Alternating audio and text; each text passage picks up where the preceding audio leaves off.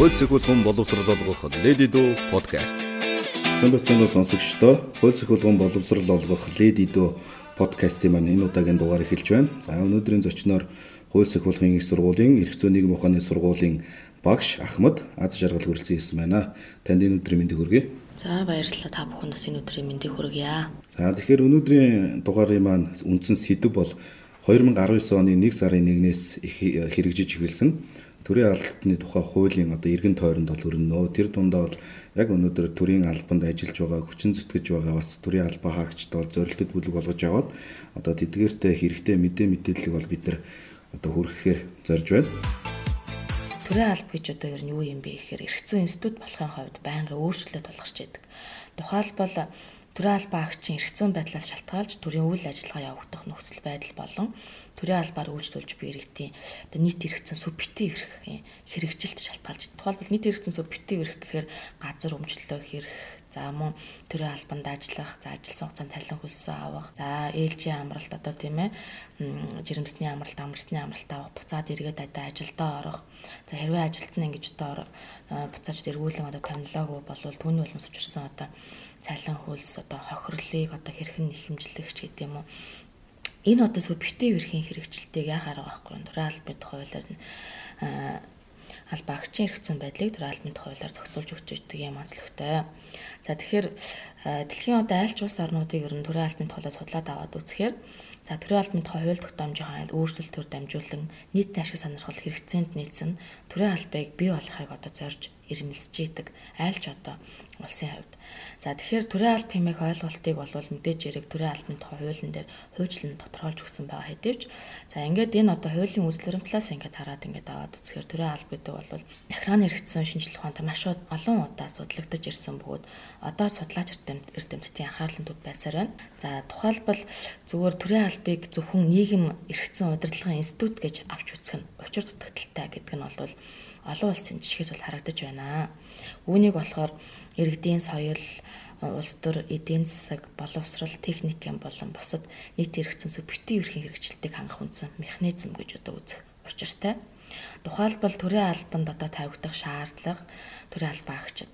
За мөн төрийн албаа агч үйл ажиллагааны стандарт, ёс зүйн хэм хэмжээ зэрэг нь өөрөө буцаад төрийн албаа агчийн эрхцэн билээ тодорхойлж байгаа боловч буцаад нийгмийн амьдралтай уялдаа холбоотой нийгэм хөгжихийн хэрээр энэ одоо албаагч тавигдах эрхцэн шаардлага ч гэсэндээ одоо соёл ч гэсэндээ бас өөрчлөгдөж идэг байх нэ. Өөрөөр хэлбэл төрийн алба гэдэг бол төрийн чиг үүргийг гүйцэтгэх хүрээнд өндөр түвшний өрсөлдөө нэг шаарддаг төрийн алба гэдэг бол орох байгаа иргэдээсээ төрийн албанд орох гэж байгаа иргэдийн хувьд ч гэсэндээ өндөр одоо шаардлага ёс зүй мэрэгжлийн туршлагын одоо хувь хүний төлөвшлийн шаардлага тавигддаг. Мөн ажиллаж явах явцад ч гэсэндээ үр дүнгийн гэрээ гүйцэтгэлийн одоо төлөвлөгөөгөөр жил болгон сар уйлрал тутам төрийн албаагчийг үнэлж хооронд нь өрсөлдүүлж тэг үн одоо үнэлгээ дүгнэлт одоо өгч идэг. Уг үйл ажиллагааны үр дүнд одоо хариуцлага хүлээж байвал энийг л төрийн албаа гэж ойлгоход учиртай. За ингээд энэ төрийн албаны тухай хуулиар бол маш олон өөрчлөлтүүд орж ирсэн. Тэгэхээр нэгэнтээ сая бас дурддаад өнгөрсөн учраас тухайлбал иргэд бас сонсч иж магадгүй. Тэгэхээр иргэдийн хувьд одоо төрийн албанд орох одоо хүсэл эрмэлз сүүлийн жилүүдэд бол өссөн юм судалгаа байгаад байдаг.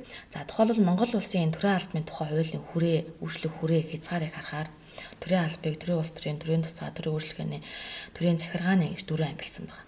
За Австрал За ингээд бусад Европын улс орнууд, Герман тэр энэ улсын одоо төрийн албаны хуулийг ингээд судлаад ингээд үзэхээр тухайлбал энд болохоор зөвхөн төрийн захиргааны албан агчтайг л хамруулж. Гэтэл манайд болохоор төрийн үйлчилгээний болон төрийн улс төрийн албан агчийг давхар хамруулсан бас данхаасан бүтэцтэй. Тэгээд тэр харилцааг зохицуулж идэг. Зохицуулж идэг тийм. Олон талын харилцааг зохицуулж идэг. Ингээд төрийн албан агчдын одоо эзлэх тоо хувь хэмжээ өсөж чинь мөн одоо ингээд анхаасан бүтэцтэй байна ч гэдэг юм уу юм шүүмжлэгдэх ч гэдэг юм уу судлаачдын зүгээс ч гэсэн шүүмжлэлт хандах тохиолдол байдаг. Тухайлбал төрийн алба гэдэг бол мэрэгсэн тогтвортой хариуцлагатай мэрит зарчимд мэрит зарчимд үндэслсэн ийм одоо албаагчдын бүрдлийг бол хэллэх хэвээр. Тэгэхээр яг уу гэхээр төрийн албанд орж байгаа ингээд иргэдийн хувьд болохоор нийтлэг болон тусгай шаардлага бол тавигддаг. За мэдээж хэрэг бол нийтлэг шаардлага нь бол Монгол улсын иргэн байна, дээд боловсралтай байна. За цэргийн албатай хаасан байна. Мөн одоо эрүүгийн хууль заасан авилга алтан тушаалын гэмт холбогдож байгаагүй байна. Монгол хэлний одоо ярианы болон их хэл одоо бичгийн одоо чадвартай байх тэ сэтгцэн хүчинггүй байх гэсэн юм шаардлагууд бол одоо монгол улсад бас оюутан залуучууд маань яг дотооддоос боловсрал эзэмшихээс гаднаас гадаадын улс одоо өндөр хөгжилт улс орнуудаас боловсрал эзэмшиж ирж байна. Тэгэд ирээд одоо төрийн албанд бас орох одоо энэ сонирхол хүсэл эрмэлзлийнхаа дагуу бас төрийн албаны шалгалтанд ордог. Бичгийн байд юм уу тестийн одоо тэр шалгалтыг амжилттай өгсөн боловч бас ярилцлагын шалгалтанд унах тохиолдлууд бас нэлээдэг байна гэдэг юм. Энэ юутай холбоотой гэхээр тариуны таны түрүүний хэлсэнчлэн нөгөө ярианы монгол хэлний ярианы болон бичгийн чадвартай байх гэдэг тийм. Тэгэхээр яг нөгөө тухайн орондоо боловсрал эзэмшсэн учраас яг монгол хэлний ярианы бичгийн чадвараас зарим тохиолдолд сул байгаа юм. Энэ дээр бас дэлгэрүүлж ярил. Тийм. Тэгээд яаж арга байхгүй төрийн албаны үйл үйл ажиллагаа нь өөрөө бичгийн хэлбэрт бууж үнэлэгддэг. Төрийн албаны ажил явж байдаг. Тухайлбал 2015 онд батлагдсан захиргааны ерөнхий хуулиараа энэ төрийн албан агч, төрийн захиргааны албан агч За мөн одоо төрийн чиг үр зорилт чиг үрийг одоо хэрэгжүүлж байгаа нийт хэрэгцээ гэрээний үндсэн дээр хэрэгжүүлж байгаа эдгээрийг нийлүүлээд бүгднгийн захиргааны ерөнхий хуулиараа захиргааны байгууллага гэдээ ойлгоцсон байж байгаа. За тэгэхээр энэ одоо захиргааны байгууллагын үйл ажиллагаа яаж хэрэгждэг юм бэ гэхээр ерөөсөө акт, захиргааны акт, захиргааны гэрээ хим хэмжээний актын үндсээр хэрэгждэг. Тухайлбал энэ төрийн албаны маргаан, эсвэл бол энэ захиргааны хэрэг, захиргааны маргаан гэдэг бол хин нэгэн зодуулсны ч юм уу зохиосны улмаас одоо хор охирол үүсчихэд маргаан үүсдэг биш. Харин хууль бус төрийн албан агчин ч юм уу захиргааны байгууллагын хууль бус шийдвэр, үйлдэл, үйл ажиллагаа эсвэл хууль бус эсвэлдлийн улмаас учирсан хохирлыг иргэд болохоор нэхэмжилдэг. Тэгэхээр энэ одоо өөрөө захиргааны маргааных нь өөрийнх нь бас юм онцлог байгаа учраас бүхэл төрийн байгууллагын үйл ажиллагаа бичгийн хэлбэрт бууж ээж энэ төрийн албаны үйл ажиллагаа ажил өөрөө явагдчихэд юм аа. Иргэн хуулийн этгээд хоёрын хооронд үүсэж байгаа захирагдах захирагдах холбоотой ч юм уу тийм ээ. Энэ нийт хэрэгцсэн хүрээндх маргаан бүхэн харилцаа ерөөхдөө захиргааны хэрэг гэдэг За ингээд яах вэ гэхээр Монгол улсад захиргааны иргэн шүүхээр шийдвэрлэгдэж байгаа нийт одоо маргааныг аваад үзэхээр бол бас одоо чамгүй одоо хувийг эзэлж байна.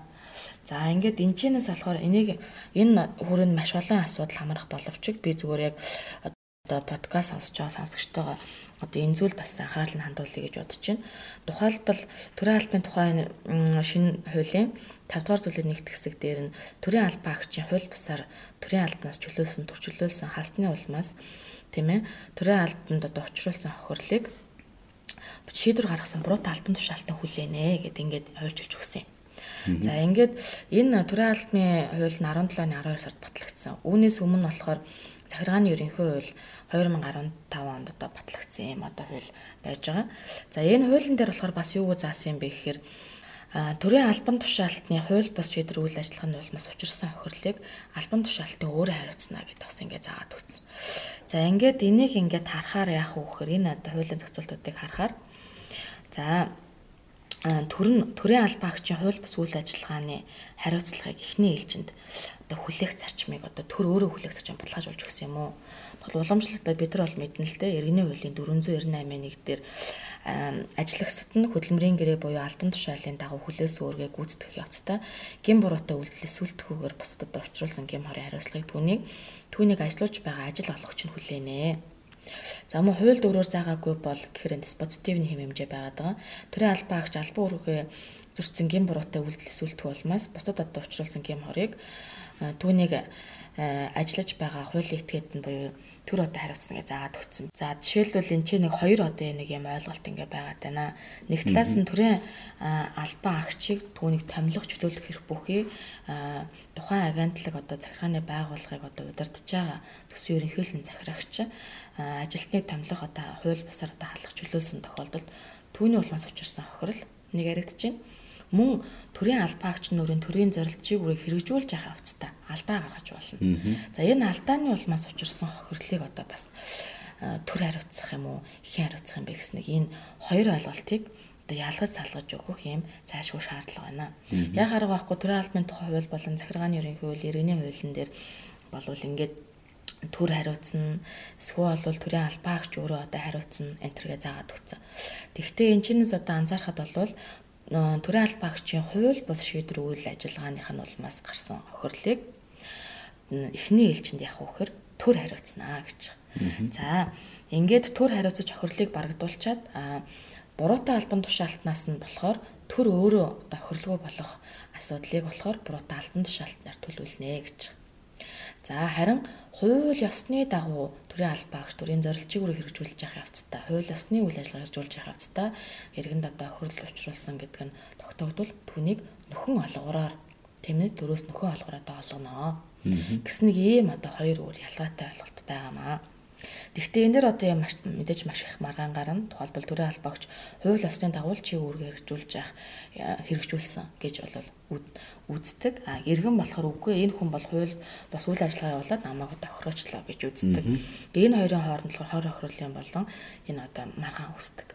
Жишээлбэл одоо яах вэ гэхээр энэчнээс энэ захиргааны хэргийн шүүхийн за энэ сүүлийн үеийн судалгаа эдрийг ингээд аваад үзэхээр анхан шатны шүүх нь 2018 оны 3 дугаар улирлалын байдлаар тийм ээ 1900 1099 одоо хэрэг одоо шийдсэн. За үүний болохоор 244 хэрэг буюу 22% нь төрийн албатай холбоотой, 50 хэрэг буюу 4.5% нь болохоор төрийн ажиллагатай холбоотой маргаан байх жишээ ч юм уу тийм ээ. За ингээд эжэнэс мөн хариуцагчаар зэрэг 74% нь одоо гүйцэтгэх мэдлийг хэрэгжүүлж байгаа төрийн байгууллагатай холбоотой байдаг ч юм уу. Ийм байгаад байна. Тэгэхээр ингээд маш их одоо төрийн байгууллага албан тушаалтан маань тодорхой хэмжээнд тийм ээ хууль зөрчсөн бодоо шийдвэр гаргасан гэдэг нь тогтоогдсон байна. Тэгэхээр энэ зүйл залттай холбогдуулаад нэг талаараа яг төрийн удирдах албанд ажиллаж байгаа. Тэгээд ялангуяа хүн ажилд авдаг, ажлаас чөлөөлдөг тэр эрх мэдлийг хэрэгжүүлж байгаа субъект өөрөө маш их өндөр хариуцлагатай багс байх хэрэгцээ шаардлагыг энэ хуулиар дамжуулан бий болж ийнэ гэж ойлгож болох. Зайлшгүй. Тухайлбал энэ төрийн албаны тухай хуулийн 19 оны сарын хэрэгцээ одоо энэ хуулиас ингээ харахаар төрийн албал хуучин бол хуулийн зорилгоос илүү өөрчлөгдсөн. Төрийн албан ирсэн доктортой илүү хариуцлагатай байна гэд. Яг энэ гурван үгийн одоо утга учир бол энэ төрийн албаны тухай хуулийн энэ одоо тийм ээ 7 одоо хэсэг гэдэг бол тус бүрдэн зүйл зал тус бүрээр одоо механизм одоо хэрэгжиж өгсөн. За эвүүгээр болохоор одоо ач холбогдолтой болсон. Тэгэхээр яа хараг байхгүй энэ төрийн удирдахчийн үрийг хэрэгжүүлж байгаа албан тушаалтнууд маань өөрөө хуулийг зөв хэрэгэлдэг тий.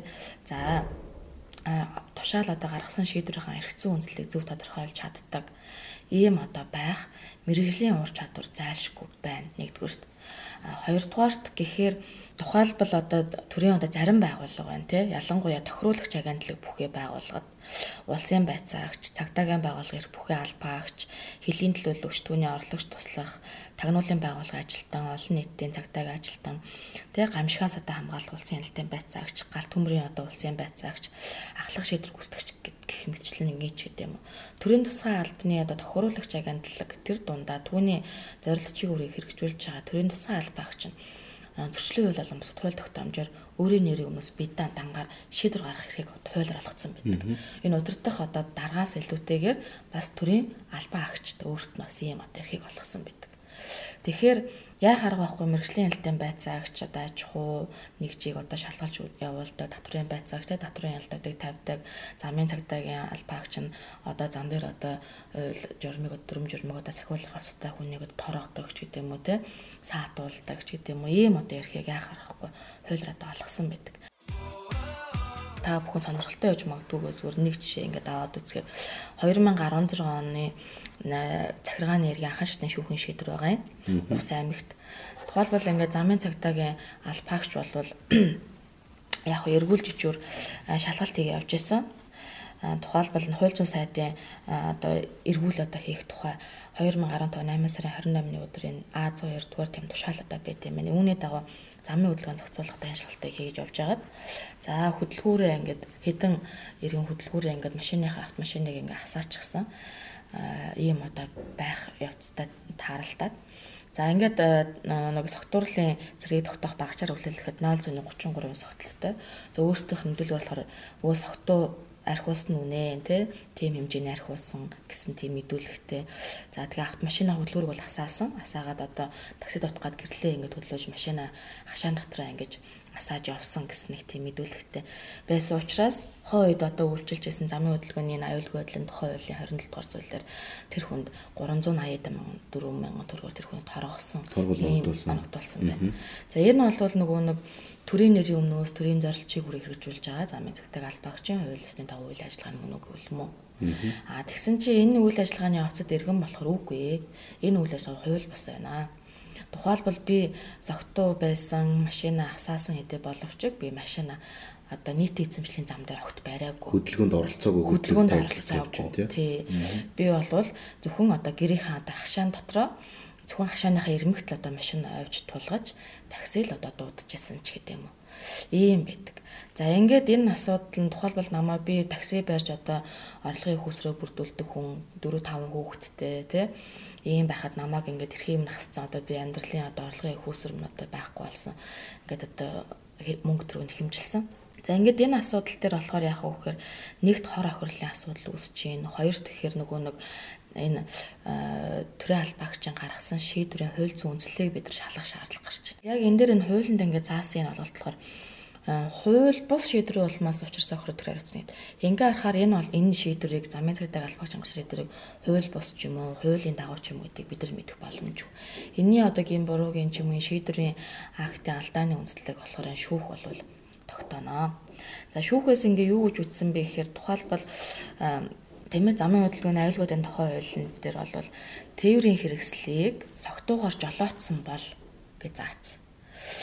За ийм учраас замын цагдаа албагч бол тээвэр согтуугаар жолоодсон бол гэж заасан учраас л би энэ хүнд арга хэмжээ авсан. Миний шийдвэр бол үндтэй гэсэн. Аа гэтэл харин болвол тээврийн хэрэгслийг тийм ээ согтуугаар жолоодож хөдөлгөөнд оролцсон бол гэж зохицуулт байхгүй тий гэсэн ийм одоо хөдөлгүүр асааснаар бол одоо тийм ээ э, машин барьсан гэж үзнэ.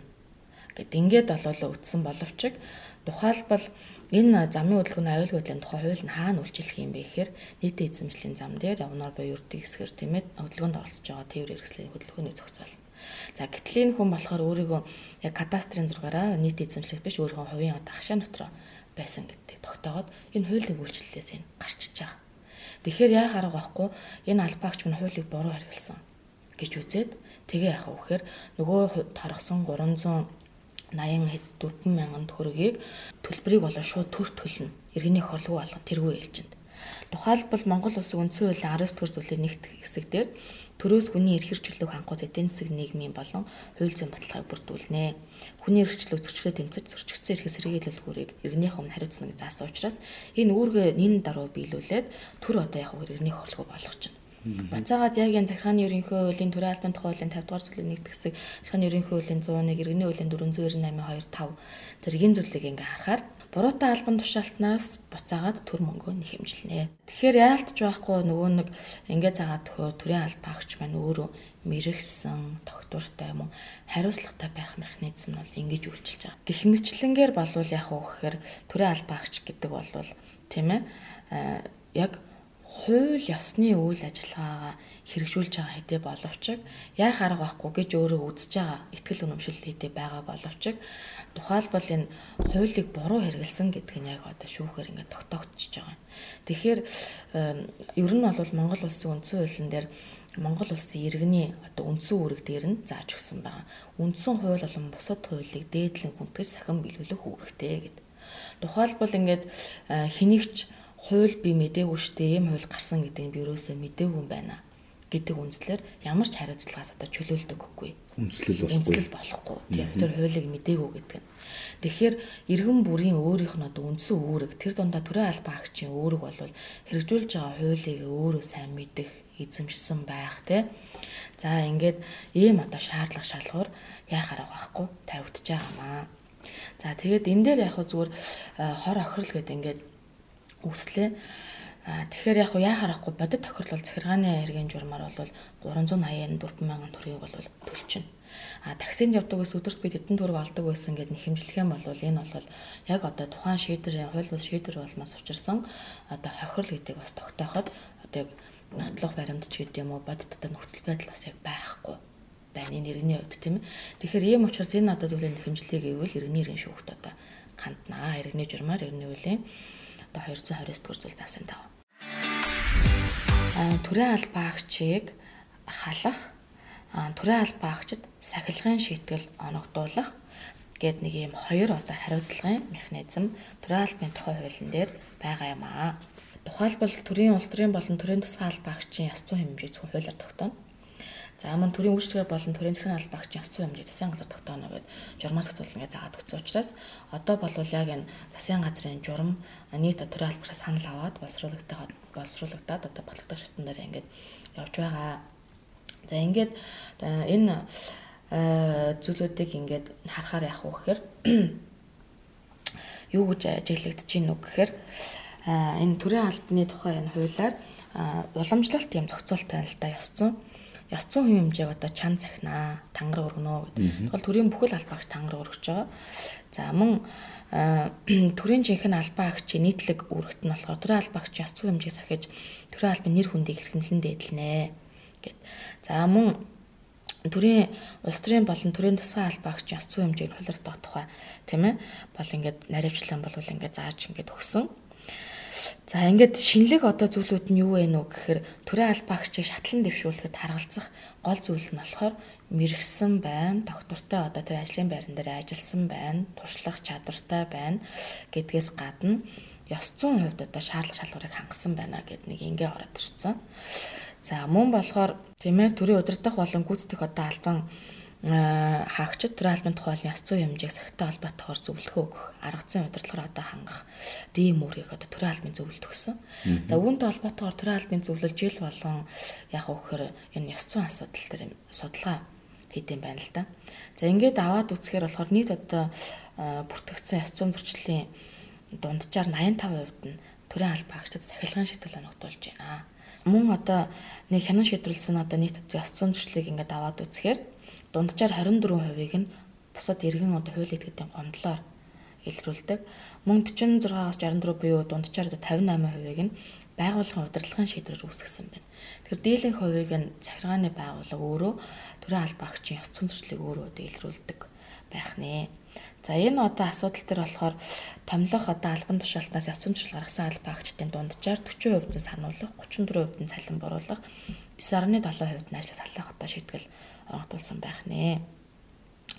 За ингээд дээрх ингээд зохицуултаас ингээд хараад аваад үзэхээр төрийн албаны сахилга бат одоо ёс зүйд тавигдах шаардлага нь төрийн албаагч эрх зүйн байдлын нэг элемент учир төрийн албаагч үйл ажиллагааны чиглэл болон хэрэгжүүлэх чив үүргээс хамааран эрх зүйн зохицуултын хүрээж чадах онцлог нь тийм ээ одоо зохицуулагдж идэг юм одоо онцлогтой. Ийм учраас бол төрийн албаны ойлголт нь ерөөхдөө динамик шинжтэй гэж үзэж байгаа. Аа уг харилцааг одоо зохицуулж буй хим хэмжээ нь нийгмийн хөгжлөд дагаад сайжруулах шаардлагыг бий болгож ядгаа. За ингээд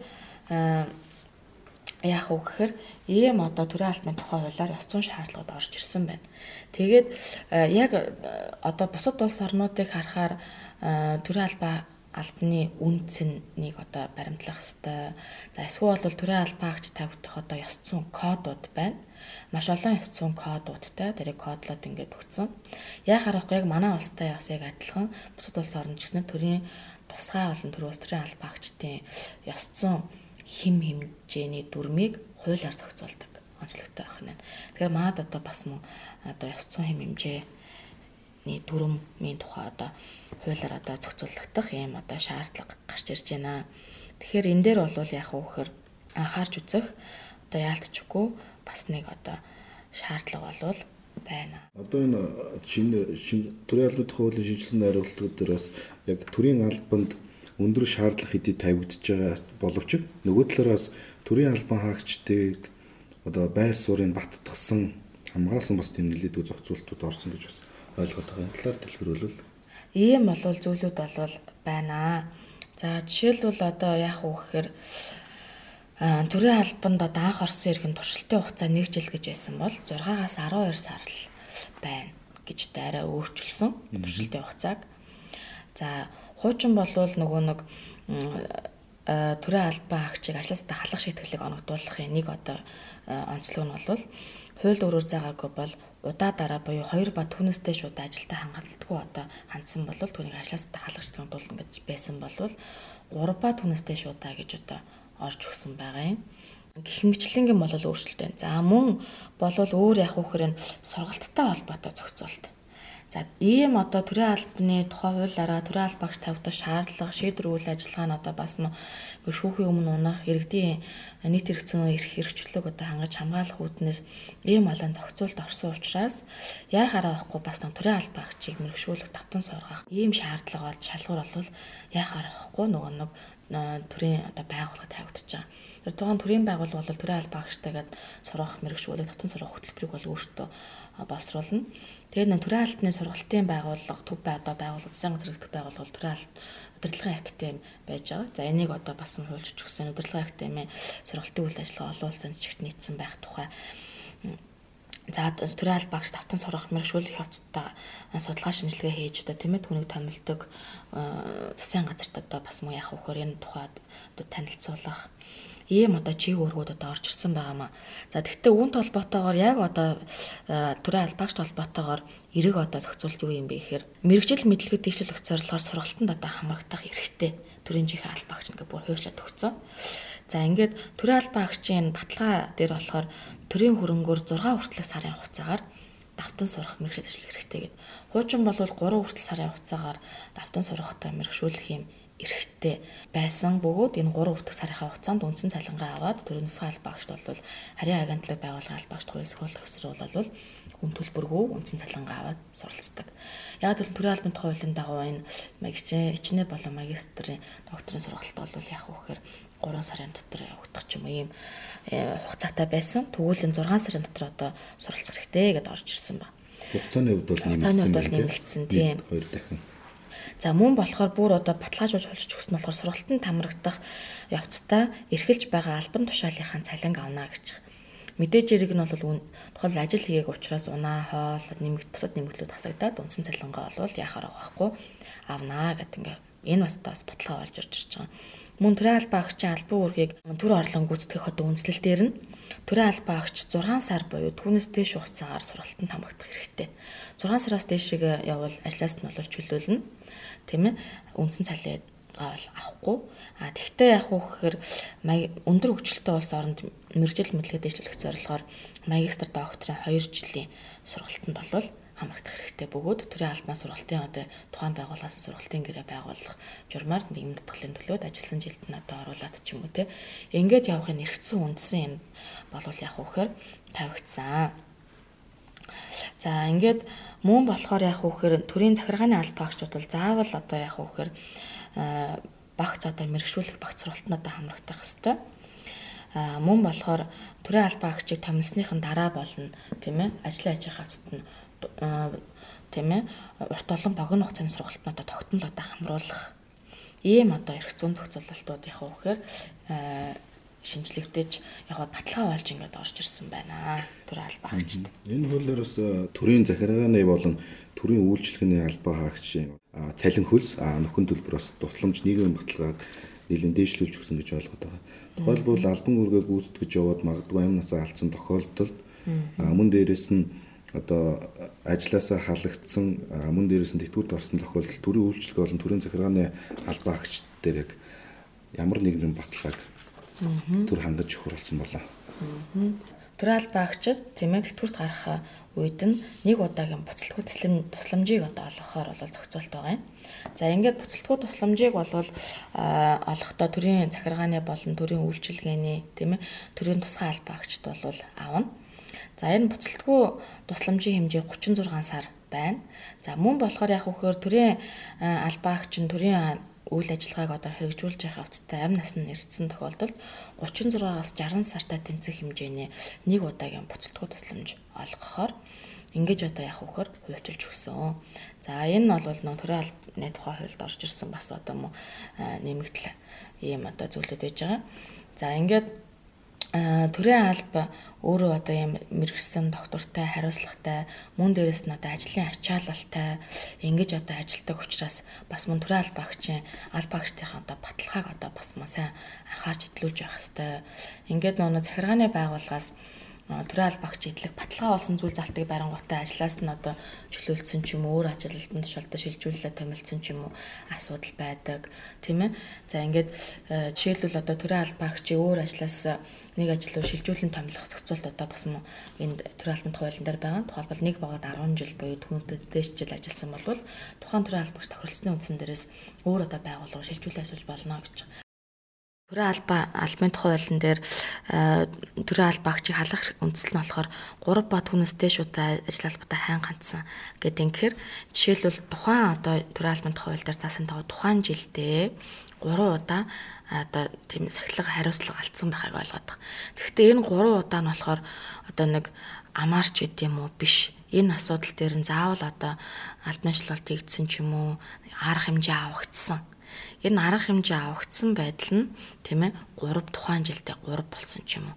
Ийм байхыг ойлгоно. Гэтэл болохоор яг хөр шүүхтэр явж байгаа ихэнх төрийн албаны маргааныг ингээ хараад тахлаар за нэг удаа ажил таслаа бүх нийтийн нэгдэл зөвлөлтөд таслаа ч гэдэм үү. За хоёр дахь удаага бас нэг одоо нэг алдаа эндэгдэл гаргалаа ажил дээрээ. За ингээл хоёр боллоо бол ажлаас нь алчдаг ч гэдэм үү. Энэ өмнөх одоо хоёр удаа болсон гэдгийг ямар нэгэн байдлаар тогтоосон, нотолсон зохицуулт байдаггүй. Эргээ буцаагаад нөгөө төрийн албаа хаагч огт өөрт нь одоо жишээл цалингийн хасцсан ч гэдэм үү. Ийм нэгдэл тасалсан гэдээ одоо тийм ээ арга хэмжээ авсан гэдэг огт мдээгүй явж идэг, мэдээллээгүй. Тухайлбал Энэ төрийн албаны тухай хууль болон захиргааны ерөнхий хуулиараа төрийн албан агчийн эрх хууль нашиг сонирхолт одоо халдсан юм шийдвэр гаргасан бол заавал одоо мэдээ сонсгох хэрэгтэй бөгөөд буцаагаад өөрөө энэ талаар одоо өөрийгөө өмгөөлсөн тайлбар мэдээлэлүүд гаргах эрхийг тий заавал олгосон байх хэвээр. За ингэжээж яах вэ гэхээр энэ асуудал нь үндэслэлтэй арга хэмжээ нэг арга хэмжээ авагдсан байна. Үндэслэлтэй хоёр арга хэмжээ авагдсан байна гэдэг ч юм уу. Гурван арга хэмжээ авагдсан болж ээж хууль заасан шаардлагыг хангасан байж ээж алтнаас чөлөөлөх хэрэгцээ үндэс болвол өсөж байгаа. Тэр шийдвэр гаргаж байгаа албан агч маань бол тийм субъектив байдлаар өөрийн үзмжиндээ тулгуурсан шийдвэрг бол гаргахгүй тэр нь хууль эрх зүйн үндэслэлтэй нотлохоотой нөгөө хүн бас зайлшгүй тэр тухай мэдээллийг бас авсан энэ тохиолдолд бол бас хэрэгжнэ тэр шийдвэр үндэстэй байна. Тэр захиргааны акт болохоор тухайн захиргааны шийдвэрийг тийм ээ аяглагдсан этгээд буюу иргэнд тийм ээ тодорхой байдлаар мэдээлснээр тэр захиргааны акт өөрөө хүчин төгөлдөр болж идэг буруутай шийдвэрийг гаргасан одоо тэр төрийн удирдах албан тушаалтанд эргээд одоо хариуцлага нэмэгдэж байгаа боловч нөгөө талаараа төрийн одоо мэрэгсэн албан хаагч нар маань удирдах албан тушаалтанда магадгүй нэгжийнхаа дарагт гэдэг юм уу тэр шийдвэр гаргаж байгаа субъектэд одоо мэрэгжил арга зүйн зөвлөгөөгөөр одоо хангах ийм үр хөс байж байгаа шүү дээ. Тэгэхээр өөрөөр хэлбэл нөгөө яг мэрэгжлийн зөвлөгөө өгөх, мэрэгжлийн дэмжлэг үзүүлэх бас мэрэгсэн албан хаагчийн буруутай үйл ажиллагаанаас болоод удирдах албан тушаалтан магадгүй буруутай шийдвэр гаргаад эргэнд эргээд тэр нь ч гэсэн нотлогдсох юм бол ер нь зөвхөн тэр шийдвэрийг гаргасан гэлтгүй бас тэр зөвлөгөө дэмжлэгийг үзүүлсэн албаагч гэсэн хариуцлага хүлээх бас нэг ийм ойлголт яваад байгаа юм. Тий. Энэ талаар жоохон дэлгэрүүлж ярил. Тийм. Тэгээд яах вэ гэхээр одоо за одоо тэр хүн сахилгаан арга хэмжээ авагдах ч гэдэм уу за ажлаас салах ч гэдэм уу нэг үндэс одоо үүслэе гэж үзэхэд за энэ шийдвэрийг энэ шийдвэр гарах үйл шийдвэр одоо шийдвэрийн төсөл боловсруулагдсанаас эхлээд шийдвэр гарах үйл явц хүртэлх хоорондын харилцааг захиргааны ерөнхий хуулиараа шийдвэр гарах ажиллагаа гэж. Энэ шийдвэр гаргах ажиллагааны явцад түүний оролцогчдод мэдээлэх, за иргэдэд одоо сонсгох, буцаад хариу тайлбар гаргах эрхийг нөгөөх, мөн энэ тухайн асуудлыг яг одоо судлан тогтоох ийм одоо яг үхээр шаардлага тулгарч байгаамаа. Жишээлбэл одоо э, ийм одоо шийдвэр бол их байна л та. Одоо жишээлбэл эрүүгийн цагдаагийн газар гэж нэрлэжсэн нэг эрүүгийн алба болгож өөрчлөнгүүд бүтэц оронтооны өөрчлөл гэдэг нэрээр хэдэд даалбаг шиг ажлаас чөлөөлөгч гэдэг юм уу тийм ээ. Тэгэхээр төрийн албаны тухай хуулийн дээр зааснаар бол бүтэц оронтооны өөрчлөлт гэдэг нь бол э, байгууллагын гүйцэтгэгчийн үүрэг байгаа тохиолдолд нэр өөрчлөгснөр ч гэдэг юм уу энийг бүтэц оронтооны өөрчлөлт гэж үзэхгүй Тэгээд нөгөө аль багчигээ болохоор ажлаас нь чөлөөлөх юм уу шийдвэр гаргахтаа тэр аль багч идэлх баталгаан дээр хэрэг оронтон цомтолт өртсөн бол өөр одоо ижил төрлийн ажил албан тушаал дээр томлох эсвэл бол сургалтанд хамруулах ч гэдэг юм уу ийм эрэг зохицуулалтуудыг нь барингуудаа ажлаас нь чөлөөлсөн ч юм уу те ийм одоо хуулийг төрийн байгууллага өөрөө буруу хэрэгэлсэн ч гэдэм юм уу ийм тохиолдол маш их байдаг. Ингээд нөгөө нэг энэ шийдвэр одоо актуудыг ингээд судлаад үзэхээр ийм одоо төрлийн шийдвэр үйл ажиллагаа бол маш олон л байна л да. Идраас ингээд аваад үзэхээр одоо жишээлбэл ажилгүй ажилдаа орох гээд декрет жимс жирэмсний болон амарчсны амралтаа авчаад за буцаад оног хүүхдээ харж агаад ажилдаа орох гэхээр за оронтой ч байхгүй байна. Одоо төр хүлээч тий. За оронтой гарахаар ингээд томилно гэд ингээд байлгаад байдаг ч юм уу. Энийг болохоор захиргааны ерөнхий хуулиараа болохоор захиргааны байгууллага эсвэлтлэр захиргааны хууль бус шийдвэрийг гаргаж чана гэж үзэж байгаа. Тэгээд ингээд яах вэ гэхээр энэ тохиолдол дээр бол ийм одоо маш их маргаан гардаг л да. Одоо амнаа бэжи хүлээж гэл ингэждэг. Магадгүй нэг жилээр ч юм уу хүлээлгдэг. Жилээр ч юм уу хүлээлгдэг. Тэгэхээр энэ яг үүнтэй холбоотойгоор бас ингээд хэд хэдэн маргаан өрнөсөн энэ дундаас бас айгүй нэг кейс одоо болохоор бас нэг шийдвэр одоо юу тухайн нийгэмд даатгалын одоо энэ албаагчийг ажилдаа буцаад орон ихтэн томилохгүй байжсэн. Тэгээд нөгөө хүн маань болохоор өргөдлөө уулна өгсөн боловч 3 4 5 6 сарын хугацаанд огт томилогдоогүй ч юм уу тий хүлээлгэл байгаад бас. Ингээд нөгөө хүн бол шүүхээс юу нэхэмжилсэн бэ гэхээр би ажилдаа хэрэг орсон бол тетэн төрөний цалин ингээд тий авах боломжтой. Тэр одоо бүх цалингаа би одоо өргөдөл өгснөөс хойш тэр 5 6 сарын хугацааны бүх цалин мөнгөө нэхэмжилж байна. Тухайлбал захиргааны төр байгууллагын төрийн байгууллагын гаргасан хууль бус шийдвэр үйл ажиллагааных нь улмаас л тэр иргэн тохирол учирсан гэдгийг тогтоох хэрэгтэй. Гэхдээ тэр нь хууль бас ямар ч шийдвэр гараагүй зүгээр юу ч хийгээгүй би эсвэлтэл байна тийм ээ.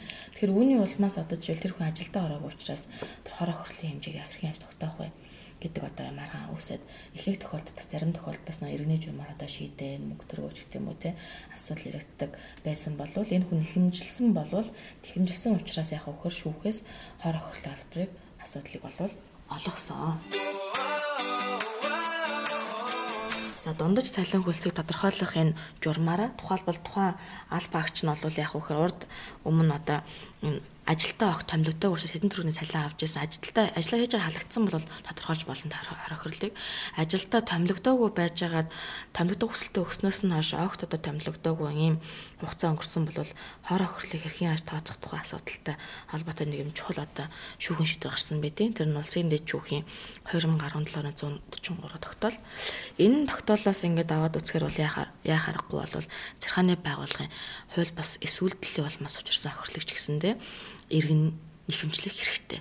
Тухайлбал ингээд дундад цалин хөл тодорхойлох зааснаар тухайн хүний урд өмнө авч исэн цалин хөлс нь үүнээс бага байвал зөрүүг нь ижил байвал дундад цалин хөлсөд тэнцэх хэмжээний мөнгийг тийм ээ тухайн өргөдөл өгсөн он сар өдрөөсөө хойш одоо тийм ээ тамлагдах хүртэл хугацааныхаа мөнгөн одоо хохирлыг цугаан цагтааны байгууллагаас нэхэмжилж барагдуулах хэрэгтэй байгаа.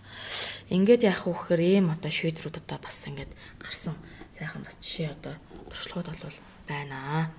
За ингээд төрийн албаны маргаанч гэдэг юм уу энэ захиргааны ерөнхий хуулиараа болвол одоо маш их одоо маргаан ингээд өрнөд төрийн байгууллага алтан жилийн шийдвэр үйл ажиллагаа шүүхтэр бол бас их ингээд унж байгаа. За ингээд сүүлийн үед болохоор бас яг мэдлэг мэдээлэлтэй болоод тодорхой хэмжээнд одоо бас маргаан буурах ч гэдэг юм уу те ийм одоо хандлага одоо бас ажиглагдаж байгаа.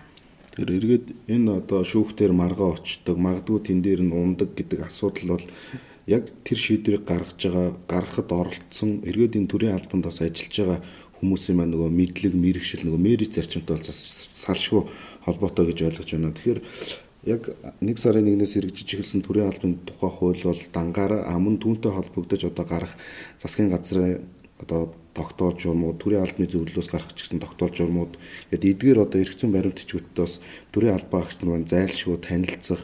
За тэгээд энэ чиглэлийн сургалт авах. За бидний энэ хүү бас хүргэж байгаа подкастыг ч гэсэн магадгүй зарим тохиолдолд сонсоод бодит одоо кейс жишээнүүд ч гэсэн амьдралдаар миний амьдралд бас энэ яаж хувирж болох уу гэдэг бас шүүн тунгаах мэдлэг мэдээлэлд хэлэх боломжийг бол илэрхийлэх нь зүйтэй хаа гэж бодож байна.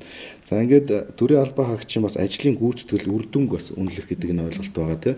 Тэр энэ тал дээр бас жоохон дэлгэрүүлж яриа гэж бодож байна. Учир юу гэхээр одоо бол өмнөх төрийн албаны тухай хууль болон журмаар юу гэж зохицуулдаг гэсэн мэхээр төрийн албаа хаагч бол үр дүнгийн гэрээ бол байгуулнаа. За ингээд үр дүнгийн гэрээг бол эхний хагас жилээр үнэлүүлнэ. А мөн одоо жилийн эцээр үнэлүүлнэ. А одоо бол үр дүнгийн гэрээ гэдэг ойлголтоос идүүтэйгээр гүйцэтгэлийн төлөвлөгөө, гүйцэтгэлийн гэрээ гэдэг бас ойлголт руу нэлээдгүй явж байна л та.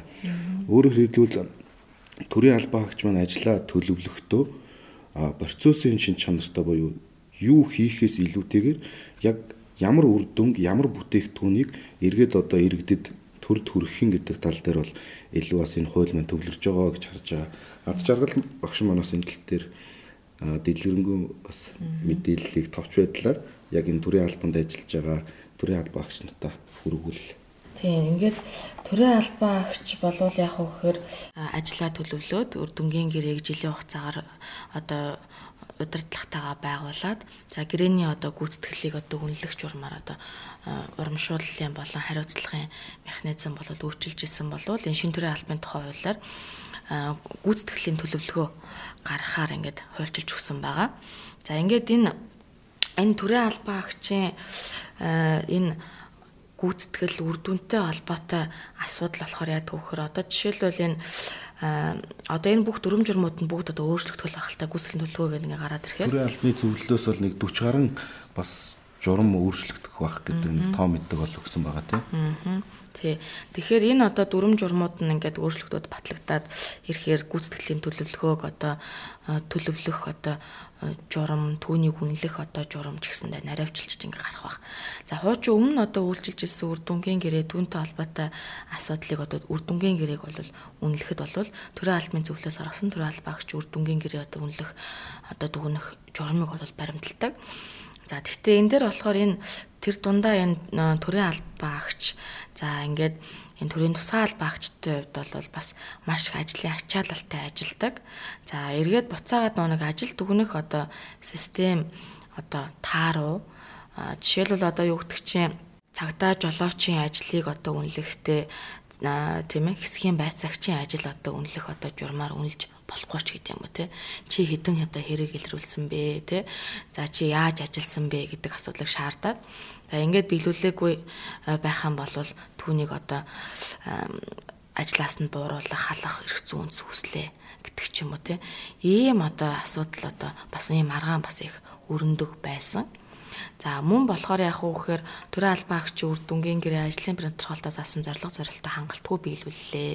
Тэ 69 одоо үнэлэгдлээгээд албан тушаалыг бууруулчихсан байсан ч гэсэн юм одоо маргаан гарч исэн. Тухайлбал э, ерөөхдөө математикийн шинжилгээ ухаанд 69.5 69.6 гэдэг бол орон шилжиж 70 с тий тэр албаагч үрдгэн гэр хүнлэх журмаараа бол 70 ажил хийж байгаа бол хэвийн одоо жирийн одоо ажлаа нормал одоо төвшөнд одоо хийж яана гэж үзнэ хангалттай. Хангалттай тий хийж яана гэж үзнэ гэдэг ч юм уу. Тэгэхээр үрдүнгийн гэрээ ажлын мартгаал засан зорилго зорилттой хангалтгүй билүүлсэн гэж хэрэг үзвэл ажлаас нь чөлөөлөгч юм алтан цал бууруулах бол үндэс бол бие хуулийн дээр тэгвэл яг энэ үндслийг одоо буруу хэрэгэлсэн буруу тогтоосон ч юм асуудал байдаг. Яг ингэ тийм маргаан гарахаар яах вэ гэхээр захиргааны эрх зүйн шинжилгээ ухаанд энэ альва энэ одоо их сурвалжуудыг хамгийн доороос нь эхэлж хэрэгэлдэг. Ер нь хэм хэмжээ тогтоох одоо эрхийг зөвхөн хуулиар л тийм ээ буюу улсын их хурлаар доолгосон байдаг. За гэтэл болохоор яг хөхөр хим хэмжээний акт буюу дүрм журам одоо гарах эрхийг хууль тогтоогч өөрөө хуулийн дээрээ засгийн газар одоо дүрм журмыг баталнаач гэдэг юм уу тралбны төв байгуул баталнаач гэдэг юм уу зааж өгөөгүй байхад ямар ч хуулиар тийм эрх олгоогүй байгууллага ийм одоо дүрм журам баталгыг болохоор яг захиргааны ерөнхий хуулиар хориглосон. За ингээд э, ингээр яг хөхөр энэ одоо харьяа энэ одоо агентлаг энэ байгууллагуудын үйл ажиллагааг харж хахад бас маш их юм одоо дүрм журам гаргасан тэр нь гадагшаа чиглэсэн хуулиар одоо олгоогүй байхад те ийм шийдрүүдийг одоо гаргасан тохиолдол байсан. За ингээд үүний бас нэг жишээ болгож нөө цагтаагийн байгууллага үйл ажиллагааны код журам дээр ч гэсэндээ бид нар бас сууж ажиллаж ажлын хэсэгт ажиллаж за энийг гадагшаа чиглэсэн одоо зохицуултуудыг асах те за ийм дотгошоо чиглэсэн болох юм шаардлага шаардлагуудыг судалсан. За ингээд үүний үр дүнд ч гэсэндээ цагтаа ерхий газраас 2018 онд код журмыг бол шинжилэн бас дотоод журам арга зүйн зөвлөмжтэй болж гаргасан байгаа. Энэ төрийн албаны үйл ажиллагааны чадварыг сайжруулъя л гэж одоо ярьж байгаа бол төрийн албан агчийнхаа эрх зүйн байдлыг бас мэдээлэгдүүлэх.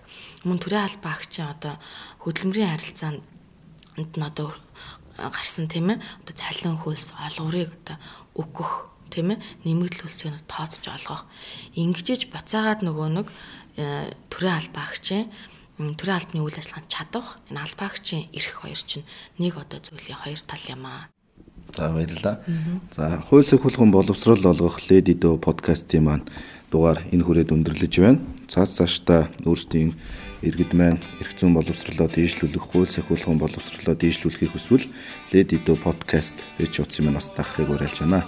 Анхааран сонсон та бүхэндээ баярлалаа.